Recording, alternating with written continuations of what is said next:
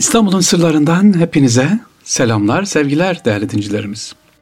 İstanbul'un sırlarında bugün İstanbul'un kışlarından bahsetmek istiyorum. En önemli kış hemen Cumhuriyet'ten sonra olan 1929 kışı. 1929 kışını böyle kısaca bir anlatıp ve Osmanlı döneminde özellikle e, yaşanan kışlardan sevgiliciler bahsetmek istiyorum. Nedir 1929, 54, 63 ve 1987 kışları çok önemli. İstanbul'un kış tarihinde 1929 önemli bir yere sahip. Neden? Çünkü sürekli kar yağıyor. 6 Ocak'ta başlayan kar yağışı 12 Mart'a kadar devam ediyor ve kar yağışı 2 ay sürüyor sevgiliciler. Asıl büyük kış ise Avrupa'da yaşandığı için Tuna Nehri donuyor. Donan Tuna Nehri'nin çözülme evresi İstanbul'u etkiliyor. Çözülen buzlar Karadeniz'e inmiş dalgalarla sürüklenerek evvela Urmelisar önüne geliyor. Urmelisar'ı boğazın en dar yeri olduğu için buz parçaları boğazda ne yapmış? Kitlemiş, kapatmış.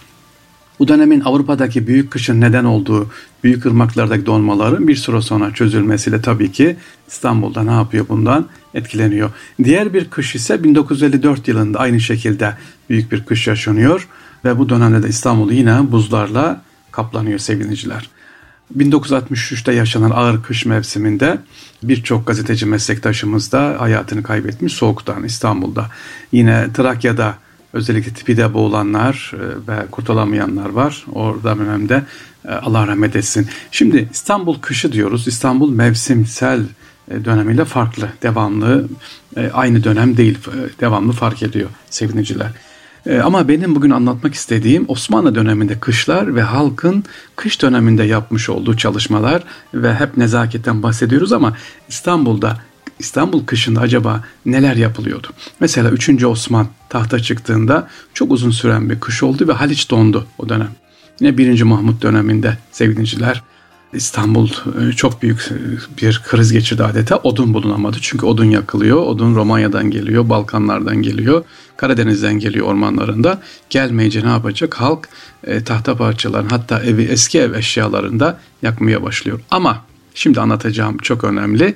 Böyle bir dönemde kişinin kendi ihtiyacı olduğu halde ısınmaya, evdeki mobilyaları yakmasına rağmen komşusu odun istediği zaman, komşusu kor istediği zaman yok işime git zaten bana lazım denmiyor sevgiliciler. Yine vakıflar burada devrede. Ne veriyorlar biliyor musun Osmanlı kışında, Osmanlı İstanbul'unda?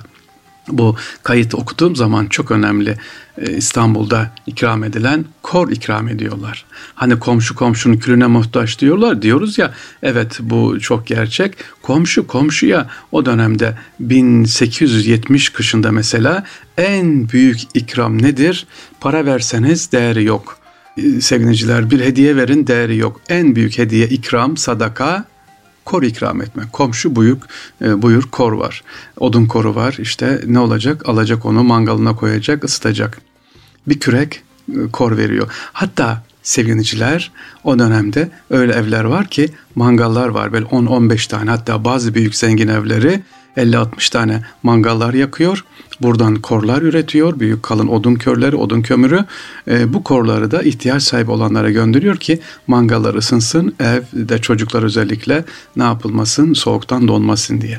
Neymiş? İşte en büyük ikram. Yani ihtiyaç neyse o dönemde sevgiliciler bu ikramı yapıyorsunuz siz e, sizin ihtiyacınız var, insanların ihtiyacı var. O zaman elinizdeki imkan neyse onu veriyorsunuz. Pandemi dönemini hatırlayalım kış deyince. Pandemi döneminde yeni geldim Avrupa'dan mesela Almanya'da bir kardeşimiz anlatıyor 3-4 gün önce görüştüğümüzde sohbet dedi ki Almanya'da en büyük ikram Almanlara, yabancılara tuvalet kağıdı ikramı. Evet biz dedi kapı kapı çaldık dedi tuvalet kağıdı ikram ettik. Şaşırdılar. Niye? Çok büyük panik yaşamışlar. Marketlerde tuvalet kağıdı yok. Çünkü onlar da biliyoruz bizim gibi e, suyla taharet değil kağıtla taharetleniyor. E kağıt olmayınca panik. Oradaki kardeşlerimiz, Müslüman kardeşlerimiz e, arabanın arkalarına tuvalet kağıdını dolduruyorlar. İşte bir şekilde temin ediyorlar. Türkiye'den ya da dönerken gelirken getiriliyor. Alman komşularına tuvalet kağıdı ikram etmişler. Osmanlı kışında da 1870 kışında da 1908 kışında da yine aynı şekilde en büyük ikram kor ikramı ateş ikramı. Peki 2022 yılındayız. 21 bitti. Biz şimdi ne ikram ederiz? Kor yapalım. Herkesin evde doğalgaz var. Ee, doğalgaz var ama doğalgaz faturaları da malum değil mi sevgiliciler elektrik? O zaman ne yapalım? Askıda olanlara yani işte ihtiyaç olanlara elektrik faturalarına destek veririz. O da aynı kor ikramıdır. Elektrik faturalarına destek veririz. Gücümüz nispetinde yardımcı olur. Böyle askıda yapıyorlar. Çok hoşuma gidiyor bazı vakıflar. Gönüllü. Bizim Hüdayi Vakfımızın da var. Azma Hüdayi Vakfı'nın böyle gönüllü grubumuz var. İşte filan abinin filan grubun şöyle doğalgazı eksik, şöyle efendim elektriği eksik. Oraya herkes karınca kararınca gönderiyor. E, tıpkı e, Osmanlı dönem İstanbul'da kor ikramı gibi 2022 yılında da ikramlar devam ediyor.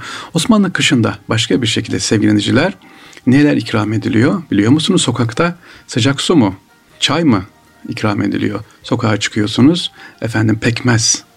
Evet pekmez dönemin antifrizi. E, böyle varlıklı kişiler testiler içerisinde bardaklarla te, ne yapıyorlar? Ahşap bardak veya toprak bardaklarla pekmez ikram ediyorlar. Niye pekmez? Antifriz dediğim içeri ısıtıyor. E, o zaman tabii dur otobüs durağı yok. İnsanlar sokakta toplu gidilen yerlerde çarşı girişte ya da çeşme başına su almaya gelmiş su donmuş. Onlara e, hele hele Sıbyan mekteplerinde çocuklara ellerinde bardaklarla su testisiyle pekmez ikram ediliyor. Bakın kor ikramı pekmez. Başka söylemiyorum ki yün çoraplar. Kalın yün çoraplar. Bunlar kalın dokunuyor güzelce. İhtiyaç olanlara sokaktan geçerken e, zaten görünüyor. Ayakkabısı delinmiş, çorabı ıslak. E, yün çorap hemen orada ne yapıyor? Ar kardeşim buyur ikram. Bu bir tabi toplum içerisinde gözlem. Osmanlı İstanbul'u neydi? Nezaket böyleydi. Kor ikramı, pekmez ikramı, çorap ikramı. Hatta ve hatta sevgili dinleyiciler ilginç bir vakıf buldum. Çok çok e, şaşırdım. Ne durabiliyor musun vakıf? Atlet Vakfı. Çamaşırı yani e, Göynek, heh, Göynek Vakfı tam adını söyleyeyim. Göynek ne için? Hamalların terleyen gömleklerini değiştirme vakfı. Ya böyle bir hamallara ikram ediyormuş efendim hamalların. Yani taşırken gidip geliyorlar ya işte akşama kadar kaç sefer terliyor ne yapacak? Onların değiştirmesi için e, böyle gün çamaşırlar ikram ediliyormuş. Osmanlı İslam'ını böyle nezaketliydi, böyle ikram severdi. Yani sıkıntı anında herkes elinde ne varsa bakıyor onu ikram ediyor sevgiliciler. İstanbul'un sırlarında Osmanlı döneminde İstanbul'un kışlarını ve İstanbul nezaketinde İstanbul yardımseverliğini kışta nasıl yardım ederiz onu konuştuk. Peki bugün 2022 yılında kış olduğu zaman evden dışarı çıkmıyoruz. Evimizdeyiz, depoladık, market karşımızda alıyoruz ama acaba apartmanımızda hasta var mı? İşte okula giden gidemeyen var mı? Düşünüyor muyuz? Osmanlı'nın başarısı bence sevgiliciler buradan geliyor. Düşünüyordu. Proje üretiyordu. Nasıl yardım ederim diye. İşte salihat dediğimizde bu. Hani okuyoruz ya vel asr innel insane lefî kusrun illellezine amenu ve amilü salihati diyoruz. Yine Tin suresinde salihat. Salihat çok önemli. Güzel işler, güzel ameller. İstanbul'un sırlarından hepinize Selamlar, sevgiler değerlicilerimiz. Allah'a emanet olunuz.